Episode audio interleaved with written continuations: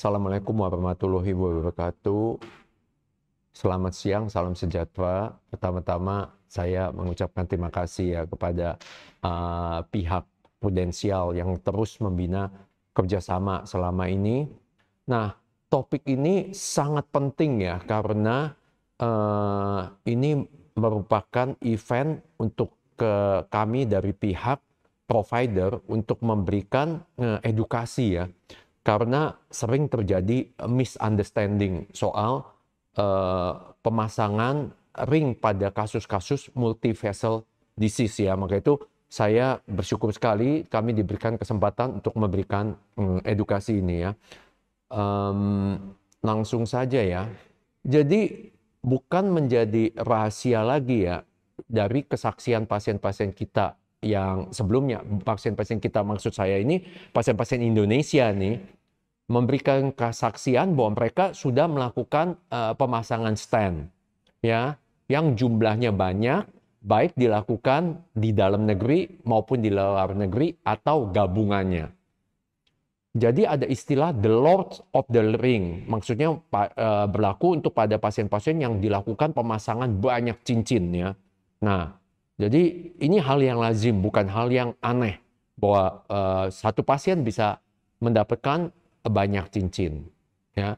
Dan hasilnya juga sangat memuaskan karena banyak dari mereka yang usianya mencapai di atas 90 tahun misalnya dia udah dipasang 25 cincin tapi usianya mencapai 90 tahun dan kualitas hidupnya baik. Nah juga saya dulu sebelum saya uh, pindah ke um, Bethesda saya uh, bekerja di rumah sakit Medistra di situ ada Profesor Santoso yang dikenal sebagai Bapak Intervensi Indonesia, guru besar ya. Beliau guru-guru besar daripada intervensi di Indonesia dan beliau punya uh, nama yang sangat harum ya. Nah, ternyata beliau melakukan banyak juga pemasangan cincin ya. Jadi bukan hal yang aneh. Di situ saya melihat kemudian pakar-pakar lainnya yang dari harapan kita yang merupakan guru-guru kita juga melakukan pemasangan uh, banyak cincin. Nah, kebanyakan masalah di dalam negeri adalah pemasangan cincin tidak dilakukan dengan uh, cukup atau kurang karena masalah biaya. Yang kedua, masalah keterampilan dari operator. Karena kasus-kasus tertentu memasang cincin di pembuluh-pembuluh yang ujung atau kasus-kasus uh, yang sulit seperti bifurkasi, left main, uh, eh, CTO ya chronic total obstruction itu memerlukan penggunaan banyak cincin dan sulit sehingga banyak uh, operator yang tidak sanggup melakukannya ya, ya jadi kurang pengalaman untuk kasus-kasus sulit. Nah uh, malahan kita untuk bisa bersaing dengan rumah sakit di luar negeri kita harus menguasai kasus-kasus sulit ini ya Nah, eh, banyak ke pasien-pasien yang kita anjurkan yang di eh, Indonesia dianjurkan untuk di bypass, namun setelah second opinion ke luar negeri dinyatakan oleh dokternya bisa dikerjakan sehingga tidak jadi di bypass dilakukan pemasangan ring. Mereka nggak menghitung berapa ring yang harus dipasang. Ya.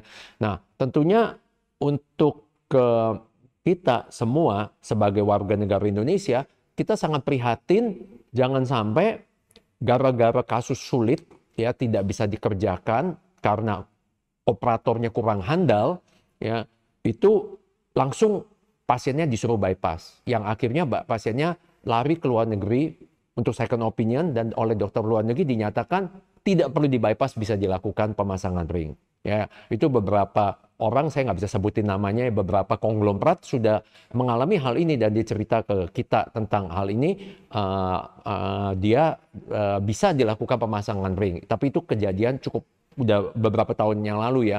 Nah sekarang kita punya skill makin baik dan uh, kita suka belajar juga dari dokter-dokter uh, di Amerika atau di Jepang ya sehingga ke, kemampuan kita sekarang sudah menyerupai seperti di Malaysia atau di Singapura.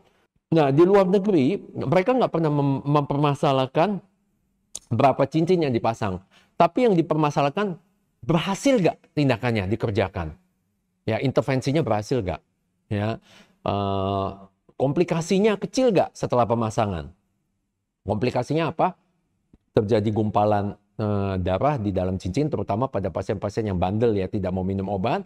Uh, restenosis atau yang disebut instant restenosis dan neoarteriosklerosis atau pembentukan sumbatan di tempat yang lainnya. Ya. Nah, jadi fokus-fokus dari pakar-pakar intervensionalis kelas dunia bukan di segi penghematan biaya ya. Karena nggak ada masalah semuanya di cover asuransi atau di cover oleh pemerintah. Tetapi lebih mempertimbangkan morbiditas, mortalitas, dan kesejahteraan pasien-pasiennya perlu di bypass atau perlu pemasangan cincin. Nah, seharusnya fokus pakar-pakar intervensionalis di negara kita harusnya sama sama internasional ya. Bukan lagi memikirkan penghematan biaya, tetapi apa sih yang terbaik untuk pasiennya. Yang sehingga morbiditas dan mortalitas dan kesejahteraan pasien itu bisa ditingkatkan. Ditambah juga kalau kita sebagai warga negara yang baik dan kita nasionalis, Bagaimana caranya agar pasien-pasien ini nggak perlu berobat ke luar negeri? Nah, sekedar mengetahui kenapa pasien-pasien kita itu banyak yang menolak bypass. Ya, kita dulu-dulu awal-awal ya itu sama juga ber, uh, uh, terjadi. Saya lihat pelajari kasus-kasus waktu Profesor Santoso saya kerjasama dengan Profesor Santoso di Medispra dengan Prof Hanafi ya. Kenapa kok pasien-pasien itu menolak di bypass. Karena mortalitas dan morbiditas serta komplikasi bypass di negara kita saat ini lebih tinggi daripada luar negeri. Jadi kadang-kadang kita kirim pasien untuk bypass, pulang tinggal nama. Ya, alasannya banyak lah, perdarahan, infeksi, bla bla bla ya. Nah, sedangkan kesaksian pasien ini, kok saudara saya di bypass di Singapura bagus tuh dok, di bypass di Australia bagus tuh dok. Tahan lama dok. Kok di sini meninggal kemarin dok ya? Kenapa tuh? Nah, kedua teknik ya, ini juga menjadi masukan juga bagi tim bypass. Kita punya tim bypass di uh, rumah sakit Bethesda ya. Nah, kadang-kadang patensi ya itu ada graf yang digunakan atau disebut conduit yang digunakan itu itu di Australia atau di Singapura, dia melakukan grafnya arteri. Ya.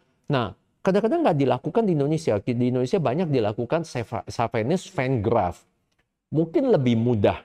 ya Karena saya ingat kalau melakukan graf di arteri diambil daripada tangan, itu butuh waktu yang lebih lama dan juga harus dilakukan oleh dua operator yang cukup senior. Ya, nah ini menjadi kendala karena jumlah ahli bypass di Indonesia masih sangat terbatas. Ya. Kemudian teknik dan mesin-mesin yang digunakan juga kadang-kadang kita masih inferior karena eh, bidang bypass di Indonesia belum begitu berkembang dibandingkan dengan luar negeri. Ya. Nah, ini menjadi sesuatu eh, PR bersama gitu. Kenapa? Ya. Nah, beberapa kasus-kasus sulit yang kita eh, berikan kepada sejawat bypass itu banyak ditolak karena komorbiditasnya tinggi ya jadi pasiennya kecewa oh, dipasang cincin tadi katanya susah nggak berhasil atau prognosisnya jelek sekarang di bypass katanya nggak bersedia di bypass akhirnya pasiennya diterbangkan pakai private jet ya yang mampu ke Singapura bisa di bypass. Kita bingung juga nih. Ya. Jadi kita pengalaman-pengalaman dari sebelumnya soal bypass ini memberikan kita uh, rasa pesimistik gitu. Bahkan ada beberapa pasien saya ya yang kita bilang demi kebaikan pasien seharusnya kasus ini di bypass. Tapi pasiennya nggak bilang nggak mau, dia diam aja. Dia bilang nanti saya cari ahli bypassnya, saya akan ke sana.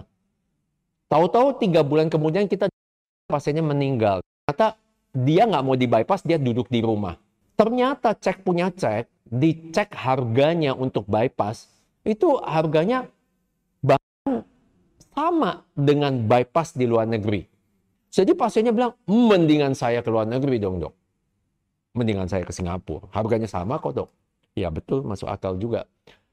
Nah, habis itu kalau pasien sudah di bypass, terutama kalau uh, bypassnya itu dari saphenous vein graft, itu kalau kita lakukan intervensi di kemudian hari akan jauh lebih susah dan akan beresiko. Ya, ini perlu dipikirkan juga.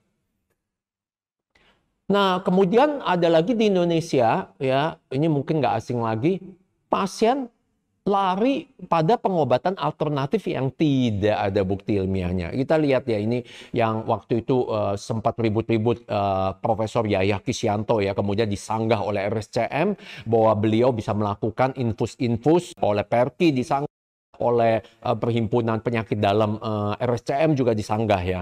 Memang beliau waktu itu dosen di RSCM. Nah, kemudian ada lagi uh, orang promosi kalau minum ini apa tuh um, telur ikan yang namanya subarasi itu bisa hilang sumbatannya, nggak perlu dibasang cincin. Jadi um, PR kita itu banyak selain uh, perang di uh, terhadap uh, persaingan dengan luar negeri supaya pasien-pasien kita jangan pergi berobat ke luar negeri, juga di dalam negeri sendiri juga banyak sekali hoax-hoax dan penipuan-penipuan, ya. Sehingga berakibat fatal. Sering pasien gara-gara harusnya kita anjurkan untuk bypass, dia tidak mau bypass, dia konsumsi misalnya uh, telur ikan ini akhirnya meninggal. Ya, karena data ilmiahnya uh, tidak ada gitu dan pasien gampang percaya. Namanya kalau orang udah terjepit ya. Jadi pasien-pasien yang kita katakan tidak bisa lagi di PCI atau resiko tinggi biasanya mereka down ya jadi depresi. Mereka takut untuk di bypass. Nah, bisa lari pada pengobatan-pengobatan alternatif disertai dengan penipuan-penipuan yang ada. Nah, itu juga harus kita pikirkan sebagai dokter. Eh, jangan sampai hal ini terjadi. Nah, ini pasien Indonesia ya sebagai contoh eh, melakukan pemasangan cincin di India. Ya, itu sudah dilakukan pemasangan yang ke-8 cincinnya. Ini udah berapa tahun yang lalu ya. Nah, uh, udah 8 cincin dipasang, ini yang ke-9. Jadi dia pasang 9 cincin, uh, di badannya udah ada 9 cincin. Berapa sih yang diperbolehkan? Ya. Nah, ini dari Texas Heart Institute from Amerika. Ini orang berapa sih limit ada gak? Sebetulnya nggak ada limit. Cincinnya berapa? Itu ada yang dipasang 16 cincin. Ya, akumulatif. Dari Amerika ada yang 26 cincin sudah dipasang uh, oleh ahli-ahli dari Amerika. Nah, uh, ini ada yang masuk Guinness Record tahun 2006, 34 cincin sudah dipasang. Kemarin pasien saya cerita saudaranya sudah dipasang 80 cincin. Ya, selama akumulatif selama 20 tahun. Umurnya sudah hampir 90. 80 cincin. Ya, nggak ada batasan sih sebetulnya. Cuma ya biayanya jadi mahal. Nah ini orang yang sudah ya 2014 eh, nih ya 35 cincin. Jadi banyak cerita banyak cincin itu nggak jadi masalah di Amerika kita mempermasalahkan survival pasiennya. Ya hasilnya bagus gak? Berhasil gak tindakannya? Seandainya kalau dia dipasang cincin umurnya bisa gak sepanjang kalau dia di bypass. Nanti saya masuk kepada data-data uh, data berdasarkan bukti ya. Nah, ini ya, ini 67 cincin masuk ke Journal of American College of Cardiology. Jadi artinya kalau pemasangan cincin banyak hal yang aneh, tentunya nggak masuk ke Jurnal American College of Cardiology akan menjadi sorotan. Kenapa dipasang cincin begitu banyak? No, dia masuk 67 cincin. Ya. Jadi supaya menghilangkan uh, rasa curiga atau rasa uh, kenapa gitu kita, padahal kita tidak melakukan hal yang aneh kita melakukan sesuai dengan standar internasional. Jadi ada uh, guide uh, itu ada uh, panduannya dari American College of Cardiology atau European Society of Cardiology. Kita selama ini memakai panduan dari luar negeri, ya karena termasuk COVID juga kita tahu kita nggak ada panduan Indonesia tidak membuat panduan sendiri. Semuanya kita nyontek dari luar negeri, ya termasuk vaksin, booster, termasuk peduli lindungi, itu semua nyontek ya, bukannya ide kita sendiri.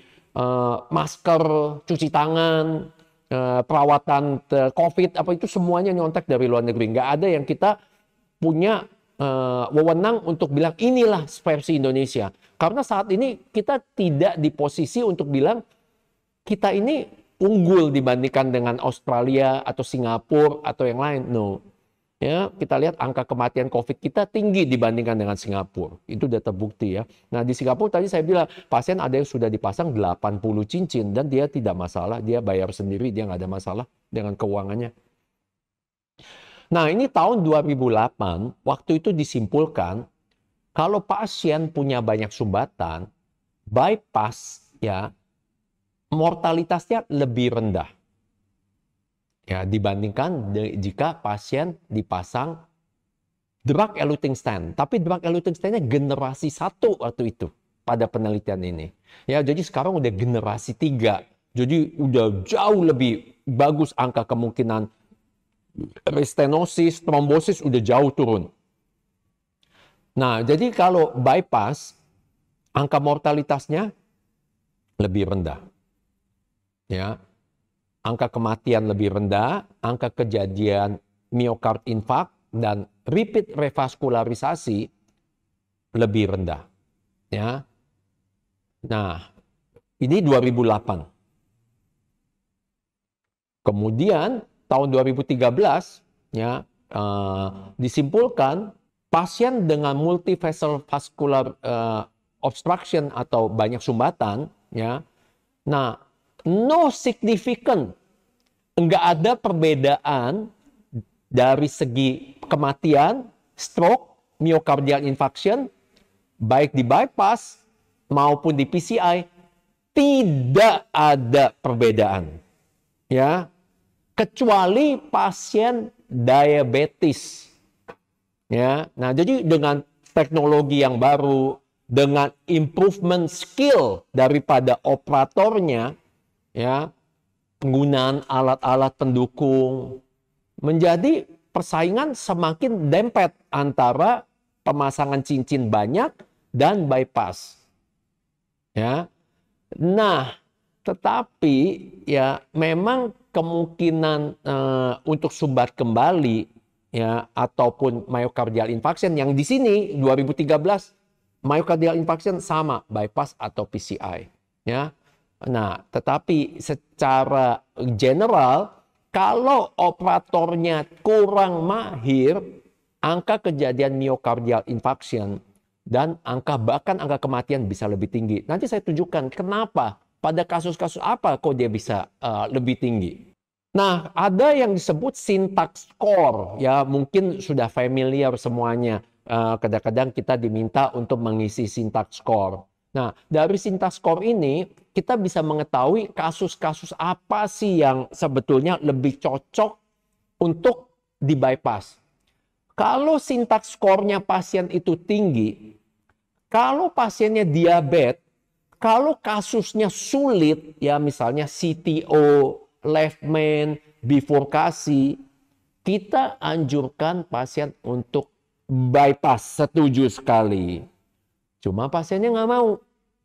Pasiennya minta untuk di PCI tetap harus kita lakukan ya. Jadi kita saya ulangi lagi nih. Kalau kasus-kasus tertentu ada yang kita bilang ke pasien lebih baik bapak ibu di bypass. Tapi pasiennya tidak mau. Nah itu kita nggak bisa tolak. Berlaku di Amerika. Yang penting pasien sudah mengetahui, kita sudah jelaskan resikonya apa segala macam. Pasien terima, tetap harus kita lakukan dengan PCI. Nanti kalau kita lihat video-video daripada intervensi yang dilakukan oleh eh, orang-orang uh, kelas dunia, itu banyak sekali uh, dari uh, pada waktu pengenalannya pasien ini sudah dianjurkan untuk di bypass. Namun pasien menolak untuk di bypass. Ya, ini berlaku di Amerika, di Eropa dan lain-lain untuk kasus-kasus tertentu.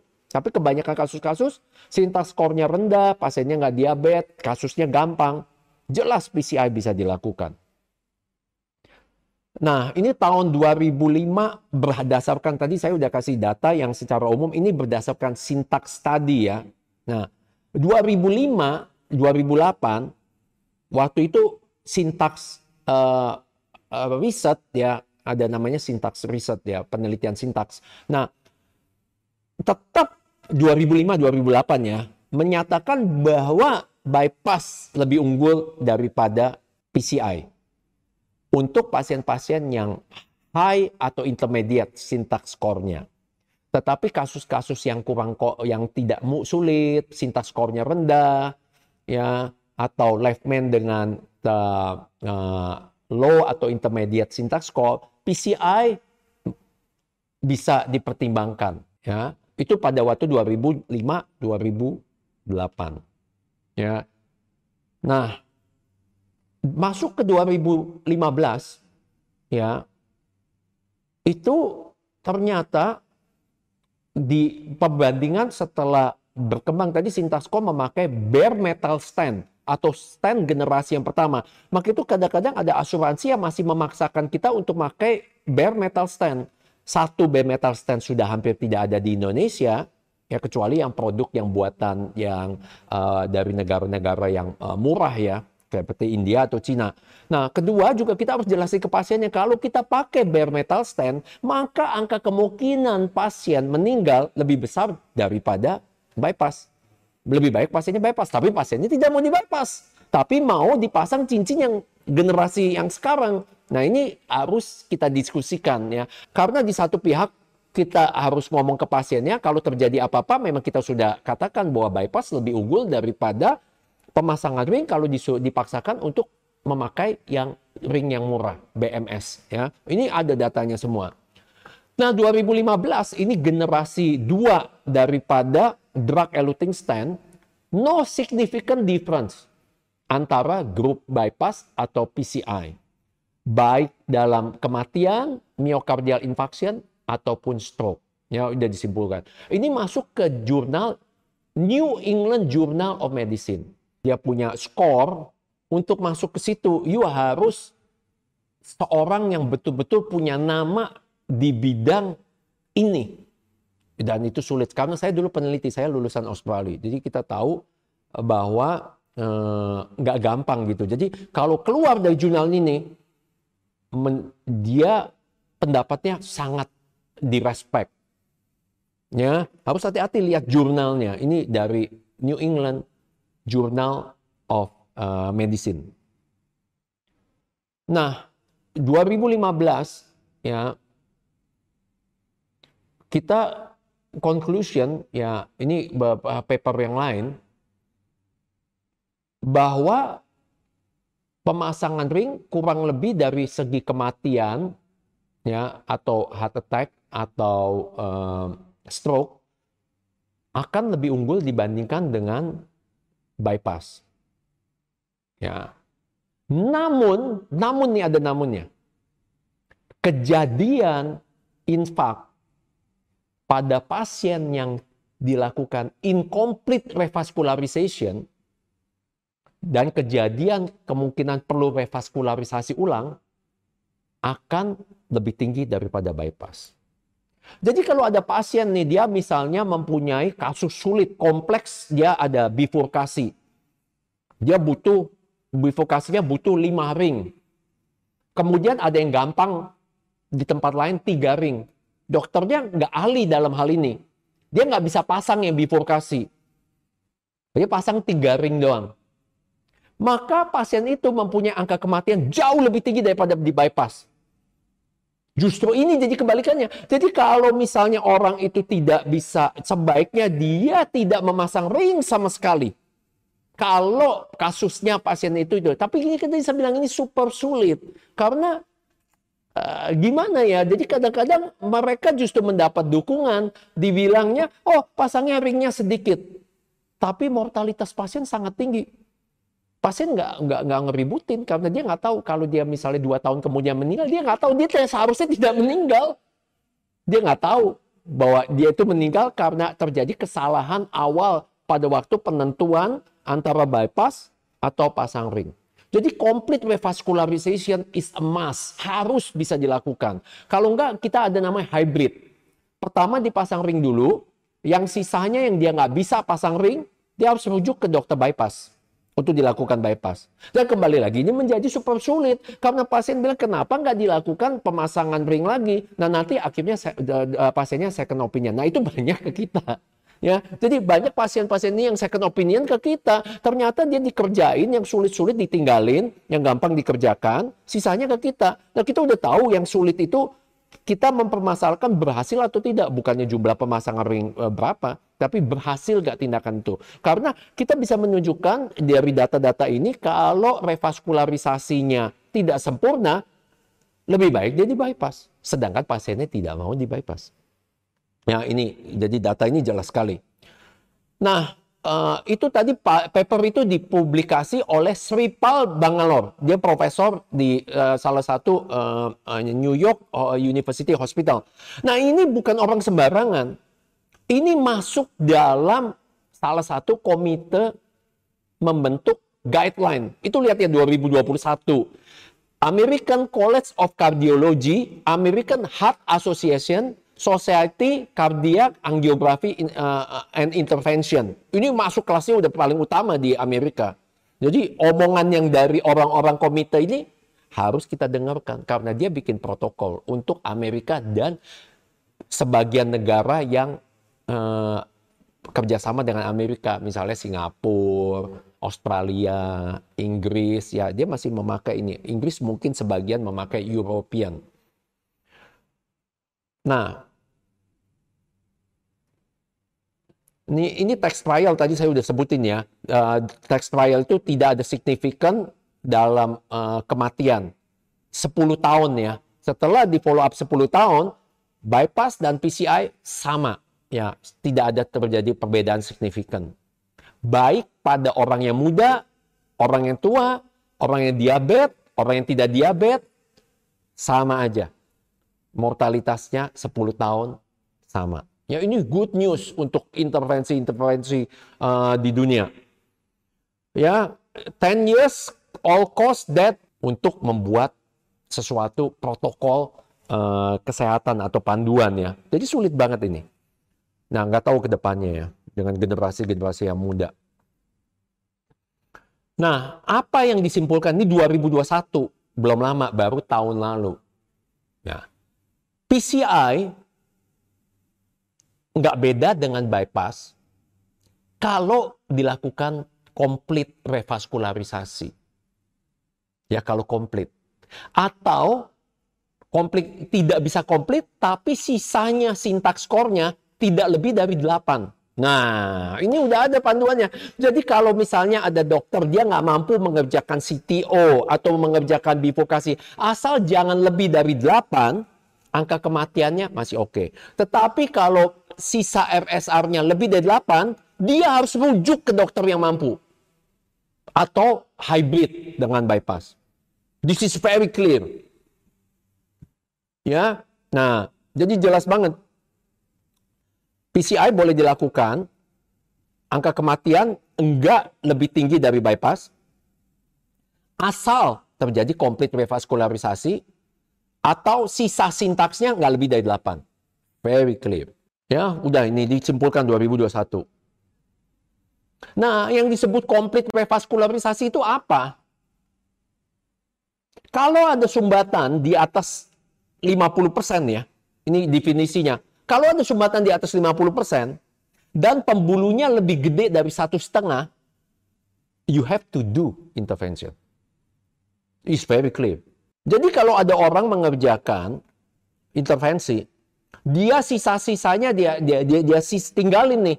Yang pembuluh 2 mm dia tinggalin semua. Jumlahnya RSR-nya lebih daripada sintaks skornya lebih dari 8. Maka sebetulnya kalau pasien itu mau buat tuntutan bisa dia bisa bilang aja kenapa nggak ditawarkan bypass. Maka itu kita selalu menawarkan bypass dulu untuk pasien-pasien kasus tertentu. Kalau pasiennya nggak mau, baru kita lanjut dengan PCI. Kemarin saya baru mengerjakan pasien dengan CTO, bifurkasi, left main. Nggak mau di bypass. Istrinya nangis-nangis. Nah, tapi alhamdulillah puji Tuhan berhasil. Ya, dan RSR syntax score-nya di bawah 8. Dia sisa satu kecil CTO. Itu nggak perlu dikerjakan karena dapat kolateral dari kanan. Jadi discretion semuanya itu dari si operatornya. Ya kalau dilakukan di tempat di center yang mana banyak melakukan hal-hal uh, kompleks ya multivessel disease yang sulit-sulit dia bisa kerjakan is okay. Tapi nggak semua center. Ya kita nggak boleh menyebutkan center-center mana aja ya nanti dibilang uh, persaingan dagang. Nah, jadi kalau pasien-pasien kita ini pasien-pasien dengan non-STEMI kebanyakannya, jadi mereka punya keluhan, dadanya sakit atau sesak jika olahraga, jika naik tangga, nah itu masuk 1A ya, maksudnya indikasinya kuat untuk dilakukan revaskularisasi, entah itu dengan uh, pemasangan ring atau dengan bypass ya 1A. Jadi harus ada indikasi untuk ke uh, melakukan revaskularisasi itu udah clear. Nah, ini bisa diakses videonya. Ya, bypass for multivessel coronary disease. Ya, ini oleh Sripal Bangalore. Ya, versus newer generation DES. Kesimpulannya, evidence from observational study dan randomized trials menunjukkan bahwa bypass dan uh, PCI mortalitasnya sama. Yang dipentingkan adalah mortalitas. Nah, keputusan antara bypass dan PCI tentunya harus kita diskusikan oleh pasien. Dan juga kita harus jujur, kira-kira kita sanggup nggak melakukan komplit revaskularisasi pada pasien yang sulit. Jangan hanya kerjain yang gampang, habis itu lari. Ya, karena kita banyak melihat kasus begini, dikerjain yang gampang, pasiennya tetap sakit dada, sesak, dia lari ke kita. Ternyata sisa-sisanya yang sulit-sulit ditaruh semua, disis disisain gitu. Nah, itu maka itu perlu sistem rujukan yang baik ya ke depannya. Jadi kita uh, ini sulit di negara Indonesia ya karena kerjasama teamwork itu masih sangat sulit di kita. Nggak tahu kenapa ya. Sisa dari penjajahan Belanda atau apa saya nggak tahu. Ya jadi eh, kita harus memilih kita semuanya itu untuk pasien. Kita katakan kalau untuk mortalitasnya, untuk stroke, untuk kemungkinan infak kembali, kita harus diskusikan dengan pasien. Dan kita harus katakan kalau memang ini lebih baik di bypass, kita harus kasih tahu ini lebih baik di bypass. Cuma pasiennya tadi saya bilang banyak yang tidak mau di bypass. Nah itu akhirnya juga kita harus tolong, kita kerjakan yang terbaik. Ya ini uh, uh, presentasinya lagi PCI versus bypass ya. Ini 2019. Jadi masih kesimpulannya sama ya. Jadi eh, nggak uh, ada perbedaan kematian antara PCI dengan di bypass. Bypass lebih tinggi angka stroke-nya. PCI lebih tinggi angka myocardial infarction-nya jika tidak bisa dilakukan komplit revaskularisasi.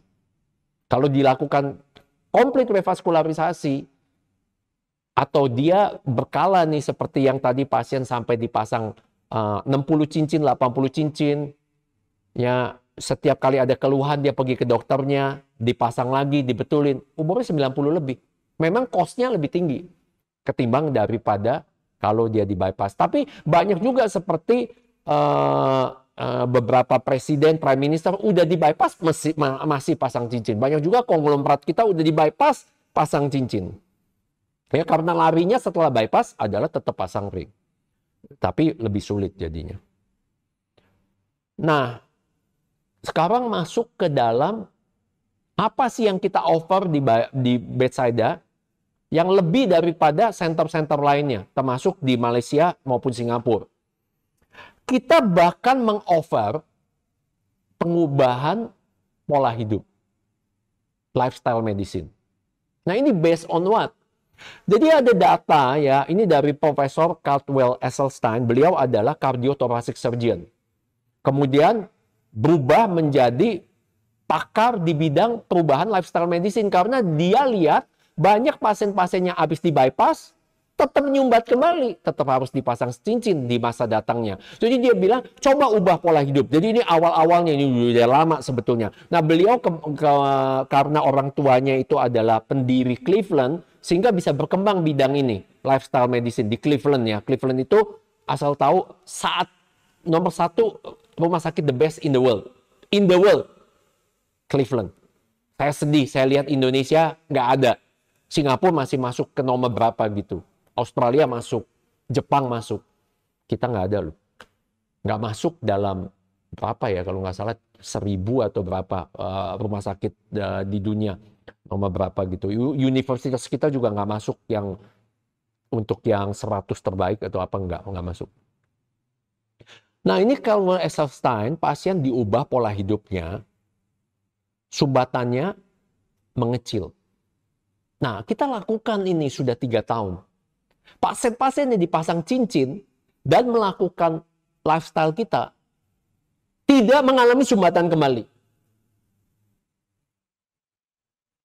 Ini luar biasa sebetulnya data ini. Jadi pasien-pasien yang sudah dipasang ring, dia melakukan perubahan lifestyle, dia minum suplemen, kita ada tahu suplemennya apa, kita tahu semua, pola hidup diubah, dia tidak nyumbat kembali.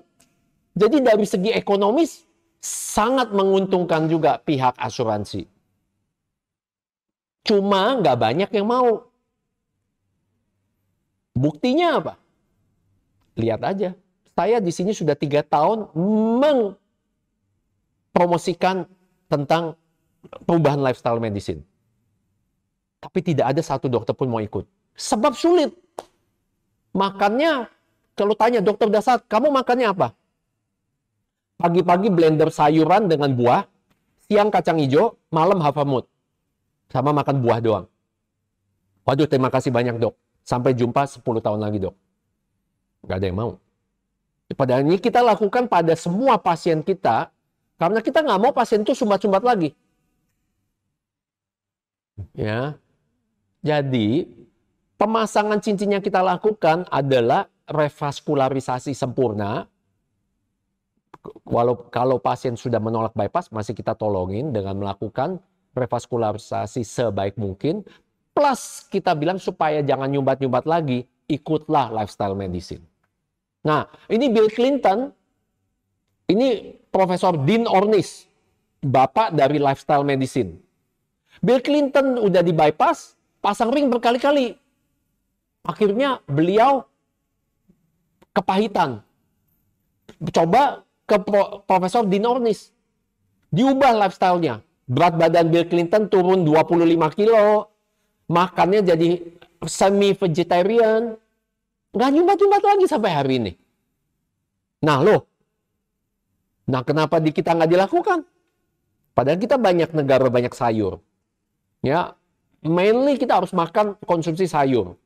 Menghindari goreng-gorengan. Nggak boleh makan goreng-gorengan, manis-manis. Cuma sulit, karena orang kita maunya hidupnya enak. Maunya makannya yang enak. Ya, nggak mau di bypass. Takut di bypass nanti mati, nggak balik lagi. Maunya pasang ring, makan tetap enak, sumbatan pasang ring lagi. Maka itu bisa sampai bukan hanya di Indonesia, di luar negeri juga sama. Sampai pasang ring 60, 80. Kenapa bisa begitu? Karena mereka nggak mau ubah lifestyle. Nah kita sangat kuat di lifestyle. Ya, jadi kita udah memberikan semua kesempatan kepada pasien-pasien kita supaya jangan pasang-pasang ring terus. Nah, ini ada Tim Williams, bekas dari bekas uh, mantan Presiden of American College of Cardiology. Bahkan beliau begitu tajamnya ngomong. Dia bilang hanya ada dua macam kardiologis.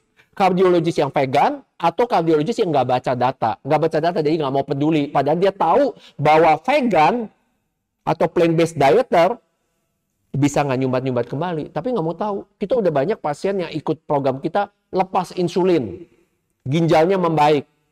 Lepas dari, jadi nggak usah tadinya dibilangin uh, berapa bulan lagi atau berapa tahun lagi harus cuci darah, jadi nggak perlu. Kembali lagi ginjalnya tiga, kreatinnya jadi satu. Itu program kita ada. Yang darah tinggi lepas daripada obat. Nah, uh, Kim Williams, dia dulu darah tinggi, kolesterol tinggi. Nggak bisa lepas dari obat. Setelah ikut diet, ikut pola hidup yang sehat, berat badannya turun, lepas obat. Ya, jadi saya sendiri ada sumbatan jantung. Tapi masih kecil 40%. Saya ikut diet. Lepas. Mengecil sumbatannya. Jadi jelas lifestyle medicine ini the way to go. Cuma lifestyle medicine ini jarang orang mau melakukan. Kenapa? Karena dia sendiri nggak sempat melakukan. Nah, ini profesor-profesor ini dia lakukan gitu. Jadi ada terbukti ini hasilnya. Seperti saya sendiri saya lakukan dan ini bukti hasilnya. Ya. Nah, renungan dari segi asuransi ini untuk kita PR bersama.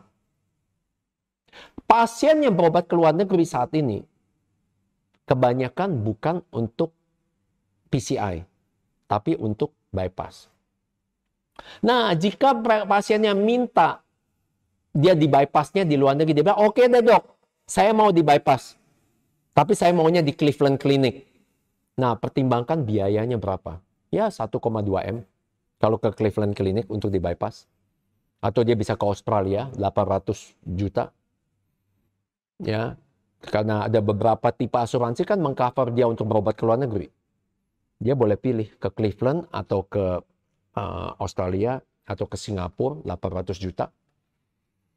Nah, jika asuransi dari awal memberikan ketentuan bahwa untuk pasien-pasien yang punya banyak sumbatan diharuskan untuk bypass, saya yakin banyak klien yang batal join asuransi. Udah kita tanya. Kalau dari awal dikasih tahu nih, ini kalau kasus begini harus bypass. Nggak bisa negosiasi. Oh, dia nggak jadi. Kita merubah kultur Indonesia loh. PR-nya. Jago bisa. Nggak gampang. Di luar negeri pun saya udah bilangin bisa sampai 60 cincin. Kenapa itu? Kenapa dia bisa 80 cincin? Di luar negeri itu. Ya, jadi kita sebagai dokter, kita nggak bisa memaksakan pasien-pasien untuk di bypass. Apalagi kalau pasiennya tahu motivasinya adalah segi ekonomi. Waduh, lebih gawat lagi. Misalnya dia bilang karena bypass lebih murah. No, no, no, no. Pasien nggak boleh tahu soal itu. Karena ini menjadi ranah uh, diskriminasi ya.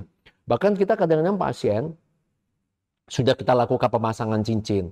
Kita udah mohon-mohon tolong Pak, rokoknya stop Pak. Jangan ngerokok lagi Pak. Masih aja ngerokok. Tolong Pak berat badannya diturunin Pak. Ya, ini kesempatan dari Tuhan nih Pak. Tolong berat badannya turunin Pak.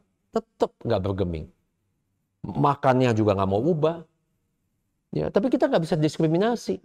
Bahkan di luar negeri pun waktu yang sistemnya uh, semuanya pembayaran asuransi seperti di Australia, kita nggak boleh diskriminasi pasien yang masih merokok atau yang tidak mau ubah pola. Kita nggak boleh usir dia bilang bapak jangan datang lagi, bapak masih ngerokok, bapak nggak usah datang lagi ke saya. Nggak boleh. Jadi kita lihat di PR di depan mata ini, kalau program kita didukung oleh banyak pihak asuransi sebagai program yang valid, mendapatkan uh, ini juga ya namanya uh, uh, uh, mungkin ada ada misalnya kalau kita uh, kasih konsultasi untuk pengubahan pola hidup itu harus ada itemnya yang harus dibayarkan. Karena itu udah tembus di Amerika. Karena Bill Clinton perjuangkan itu karena beliau ditolong beliau duduk di Kongres diubahlah. Jadi dulu nggak bisa kita banyak omong soal, soal orang harus olahraga, orang harus makan sehat, orang harus apa nggak ada, nggak ada, nggak nggak ada fee-nya, nggak boleh dicat. Tapi sekarang udah bisa. Ya, terutama di negara-negara yang mendukung lifestyle medicine. Nah, kita beruntung sebetulnya di Indonesia udah kita yang pertama loh dari rumah sakit semua kita doang. Dan kita udah menguasai. Dan kita sudah menolong 3.000 pasien COVID. 3.000 pasien COVID, gak ada satupun yang meninggal. Dengan lifestyle medicine. Coba kalau Pak Presiden tahu. Luar biasa. Dengan lifestyle medicine tidak ada pasien COVID meninggal. Dan sudah keluar datanya, pasien-pasien yang ikut plant-based diet di luar negeri nggak meninggal-meninggal. Kena COVID. Termasuk saya, saya juga udah kena COVID. Di rumah doang lima hari. Delta loh.